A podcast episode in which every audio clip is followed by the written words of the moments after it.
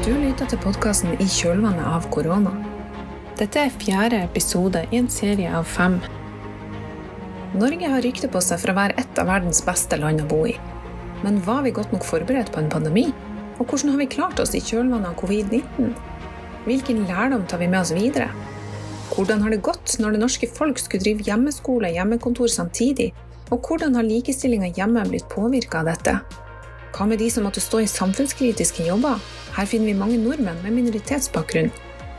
Vi vil også se på hvilke følger koronakrisen har hatt for de mest sårbare gruppene. Eldre og personer med nedsatt funksjonsevne har fortalt om ensomhet og omlegging av tjenester. Krisesentrene har meldt om unormalt lav aktivitet. Barnevernet har fått langt færre bekymringsmeldinger som går på mistanke om vold og overgrep mot barn. Hva skjedde? Opptakene til denne podkasten ble gjort i juni. Du hører på Likestillingspodden, som er Likestillingssenteret kun sin podkast. Jeg er Lindy Sloan, programleder, og Linn Braseth Gulliksen er redaktør. I dag har vi invitert Synne Lerhol, ivrig feminist og likestillingsforkjemper og tidligere generalsekretær i Unge funksjonshemmede, og Sunniva Ørstavik, tidligere likestillings- og diskrimineringsombud og nå generalsekretær i Norges Handikapforbund. Norge ser seg selv som et foregangsland på menneskerettigheter, men der har vi kanskje litt å gå på, særlig når det gjelder funksjonshemmedes rettigheter. Hvilke utfordringer i samfunnet har blitt synliggjort av koronatiden? Vi er vant til å tenke altså sånn, Jeg er jo vant til å forholde meg til det offentlige i søknader, vedtak og klager. Og det er basert på en kald eh, og objektiv medisinsk vurdering av min tilstand og mine ferdigheter og mine evner. Så at man blir jo vant Jeg leste Jeg er akkurat ferdig med eh, 'Jeg lever et liv som ligner deres' av Jan Grue. Og han skriver så godt eh, der. Den opplevelsen av å, å bli beskrevet gjennom medisinsk blikk som er helt annet enn den du er. Men likevel så klarer du på en måte å definere hvem Litt hvordan du tenker på deg selv også. Når du skal skrive søknader, så må du skrive om deg selv veldig mekanisk og medisinsk for å få søknaden igjennom. Hvis du prøver å si jeg trenger BPA 24-7 fordi jeg vil leve et fritt liv og kunne puste og kunne ta en øl med venner og kunne jobbe fullt, så er på en måte ikke det godt nok. Men hvis du skriver 'jeg trenger BPA 24-7 fordi jeg ikke klarer å snu meg om natta', eller fordi jeg kan sette noe i halsen, da treffer man riktig argumentasjon. Og det, det er jo klart at det, det gjør noe med selvbildet ditt. da. BPA, det er for de som ikke kan alle forkortelsene? Brukerstyrt personlig assistanse. Som er et av de viktigste likestillingsverktøyene vi har. Men det, det å ha, altså leve med BPA, det gjør jo at du ikke bare skal være arbeidstaker nå i koronatiden, du er jo også arbeidsgiver. Mm. Hvordan har den balansen gått? Det, altså nå, nå, spør jeg om tilbud, og litt sånn der frekt og invaderende, men bare sånn fordi du som sagt er ekspert. ekspert og ekspert, men jeg er i hvert fall arbeidsleder, og det er klart at det det er jo krevende når jeg er usikker på situasjonen. Altså, jeg har vært usikker på hva som er riktig smitteverntiltak for min egen del. Og det å da skulle som arbeidsgiver gi forutsigbarhet og trygge rammer og tydelige beskjeder til ansatte, er jo også krevende i den tida. Um, men jeg opplever jo det at det at det er eh, BPA, da, at det er mine assistenter som jeg har god dialog med, som, jeg, som vi har tillit til hverandre. Vi, vi, har klart å finne gode løsninger som fungerer for både assistentene og for meg. Men det hadde jo ikke gått hvis man ikke hadde hatt den tilliten og den kommunikasjonen og den fleksibiliteten i bunn eh, som det vi allerede har. Og det, det, har jeg tenkt mye på. At det, det, har vært viktig for at det har gått så, gått så bra som det har gjort. Da. Så du, dette her, du nevnte det her det viktigste tiltaket vi har. Men det praktiseres jo veldig ulikt rundt omkring i landet. Mm. Jeg jobber jo på, på Kun i Steigen, og vi er jo veldig opptatt av dette her med forskjeller nasjonalt sett. Mm. Det praktiseres jo ulikt i Oslo. Ja, det er ulikt mellom bydelene. Nå skal ikke jeg henge ut, henge ut bydeler, men jeg, man er heldig hvis man har et vedtak som meg, eh, hvor jeg har 24-7. Men jeg må fortsatt søke hvert halvår og si at jeg er fortsatt like funksjonshemma som jeg var for et halvt år siden. Så det er noe med, du får ikke noe forutsigbarhet, eller du kan ikke slappe helt av. Du må på en måte alltid vente det halvåret på at kanskje det blir kutta i timer. Eh, men jeg må jo bare leve som om det ikke blir det. Eh, så, så, det er variasjoner i kommunen. Noen, broren min får vedtak på hva fem år frem i tid, ti år frem i tid. Det er noe helt annet. Det virker jo ganske fornuftig å gi langvarige vedtak, sånn både med arbeidssikkerhet ja. Man skulle tro det. Det, det er ulik praksis. Kunne det at CRPD ble implementert, gjort noe med likhet rundt omkring i landet? Vet vi det? Det virker jo som en grunnleggende menneskerettighet. Rettspraksis? Altså, jeg, klart jeg ble veldig oppgitt når jeg så den dommen til Hanna og hennes eh, BPA-vedtak.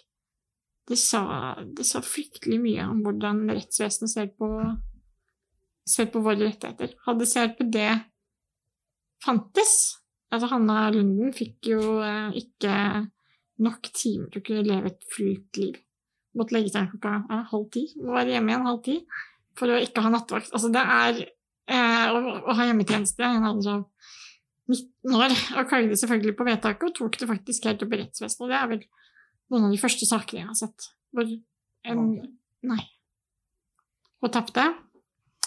Og det eh, var ganske ganske tungt å se, fordi det viser hvor lite rettssikkerhet vi har, og hvor prisgitt vi er saksbehandlere som har lest rundskrivene fra Helse- og omsorgsdepartementet. Altså det, er, eh, det er så skjørt, den rettssikkerheten vi har for å leve eh, friliv, at eh, det skremte meg litt.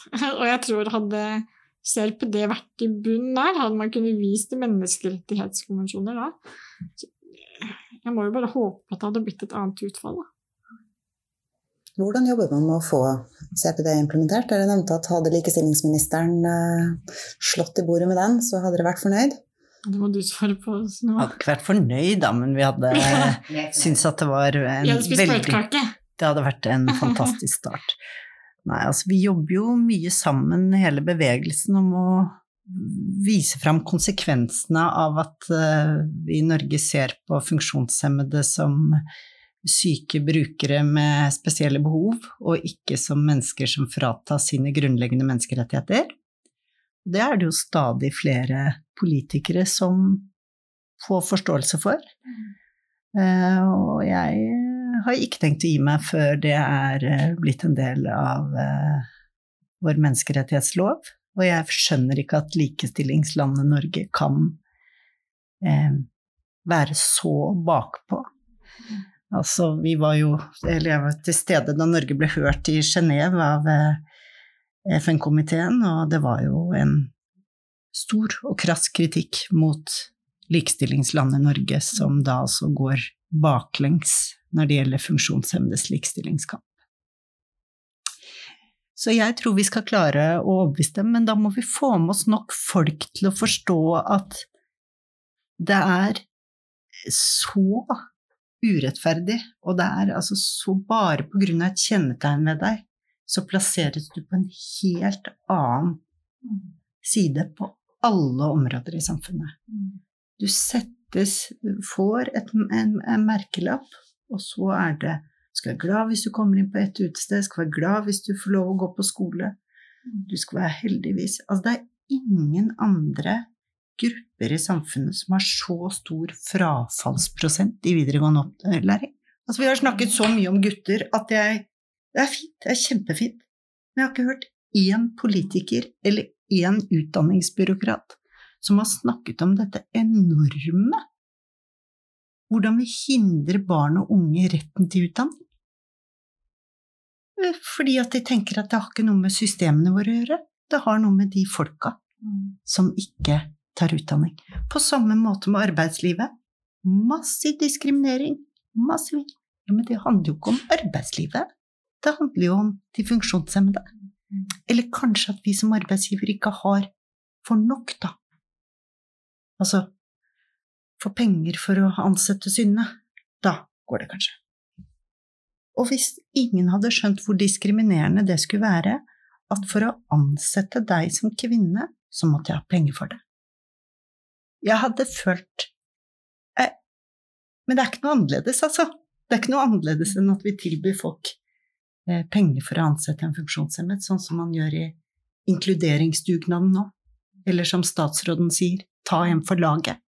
Hadde du kjent deg verdsett og anerkjent som menneske? Og det var jo noe jeg var ekstremt provosert over da jeg var, jobba i Unge funksjonshemmede.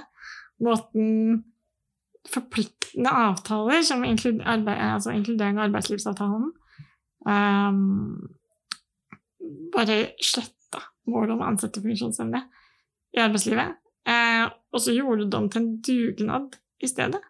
Så var fjerde forpliktende tiltak og forpliktende mål og så gjør man om til en dugnad som baserer seg på godvilje og en utstrakt hånd. Og det er så Som du er grei og snill hvis du gjør det. Og det er klart flott at arbeidsgiver gjør det. Og jeg mener at det er et like stort samfunnsansvar å ansette funksjonshemmede som det er å, å ansette, ansette, etniske minoriteter eller kvinner og få dem få oss høyere opp i systemet og tilby forfremmelser. Altså det er, det er et arbeidsgiveransvar. Eh, men det er noe med det er noe med den, den, måten vi omtaler det på, at det skal være en dugnad, det syns jeg var utrolig provoserende. Og det, det, er Som blir på en måte de som gjør det på sånne spesielle programmer, blir liksom helter. og er, de er veldig flinke som setter i gang systemiske tiltak for å ansette funksjon, funksjons, funksjonshemmede, men det skulle på en måte bare mangle.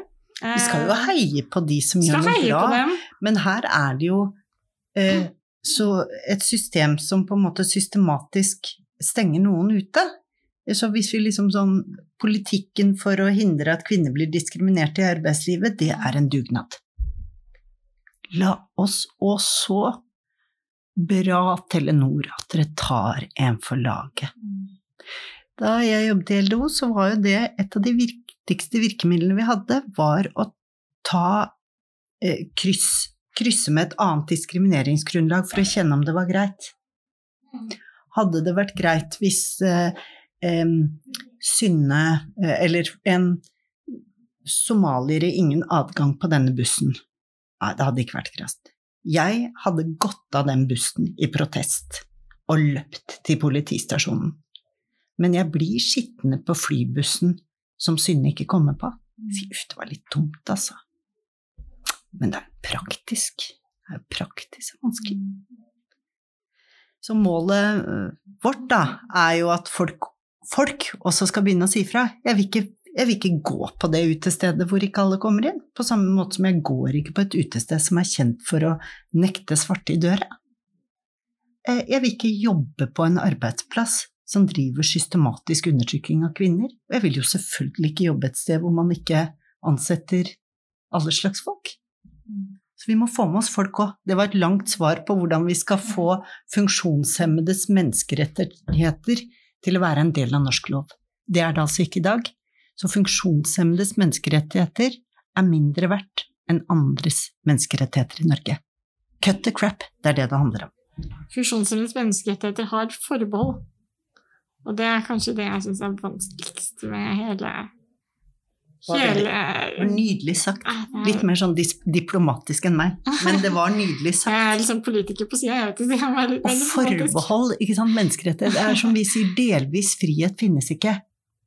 Det er jo Mandela. Ikke sant? Enten er du fri eller Delvis menneskerettigheter finnes ikke. Enten så er du med, eller så er du ut. Og da er vi jo tilbake litt på dette her par øyeblikk før vi avslutter, nemlig dette med at språk har makt. Mm. Fordi Da vi begynte å snakke om korona, så var det jo også noen som Nei, det, det, det dreper bare de sårbare. Mm. Og da var det liksom greit. Mm. For en del. Det var en ordbruk der som var sånn at da, da var vi ganske mange av de som ellers ikke tenkes inn i funksjonsnedsatte gruppa, som tatt mm. unnskyld meg, nei, du kan ikke si sånt. Mm. Men Altså, hvordan kom vi dit at det på en måte ble en grei diskurs i media? Viktig å huske på at ikke alle som er sårbare, er funksjonshemmede, ikke alle som er funksjonshemmede, er sårbare. Men det var likevel en, en måte å, å differensiere på eh, hvem som er verdig å få hjelp og ikke. Da. Um, og det, det, er klart at de, jeg syns det, det, var krevende eh, å lese at man på en måte var, Man kunne, kunne ofre oss for økonomien sin del. Men, men det er jo eh, ikke ukjent.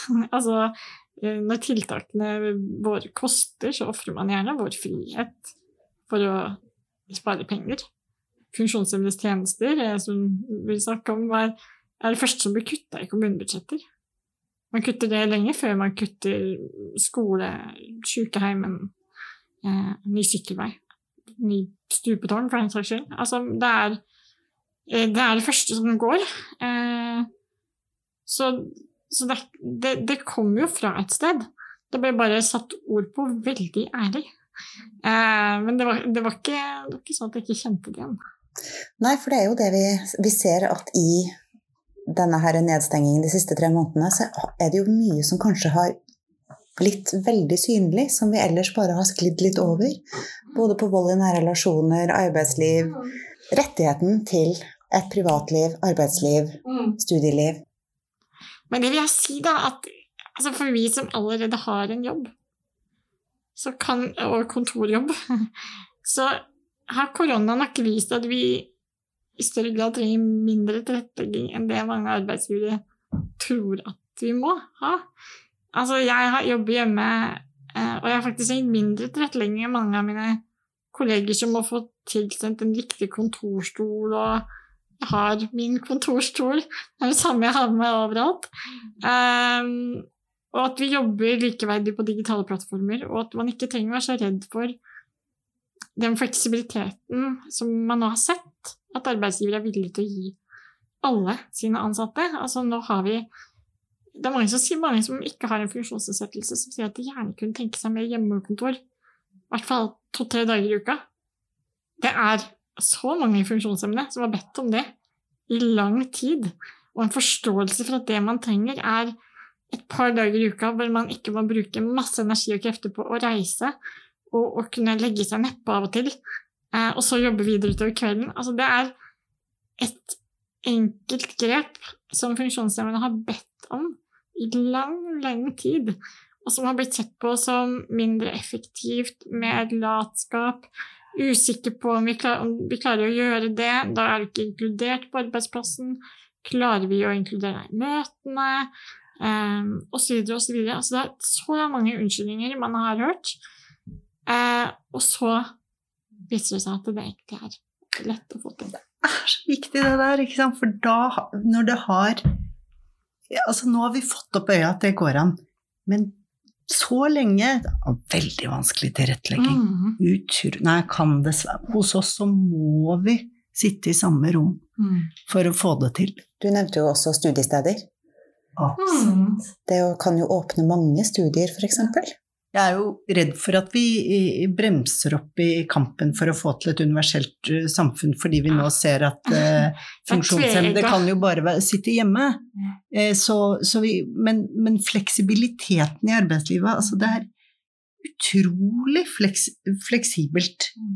Uh, hvis jeg er kvinne som meg med høyere utdanning da jeg var i 30-årene, kjempefleksibelt. Altså når jeg fikk barn, jeg kunne bare komme det var masse fint. Jeg vet at det er masse graviditetsdiskriminering, men, men så var det altså en som skulle ansette en, som måtte komme klokka ti. På grunn av noen medisiner og assistanse og tok tid om morgenen. Det går dessverre ikke her hos oss. Men altså, det gikk superfint med alle de småbarnsforeldrene som kom. Men da var det spesielt tilrettelegging. Så ikke sant, det er inngangen på dette. Mm. Og det som veien må jo kanskje bli at folk begynner å forstå at folk er folk, da.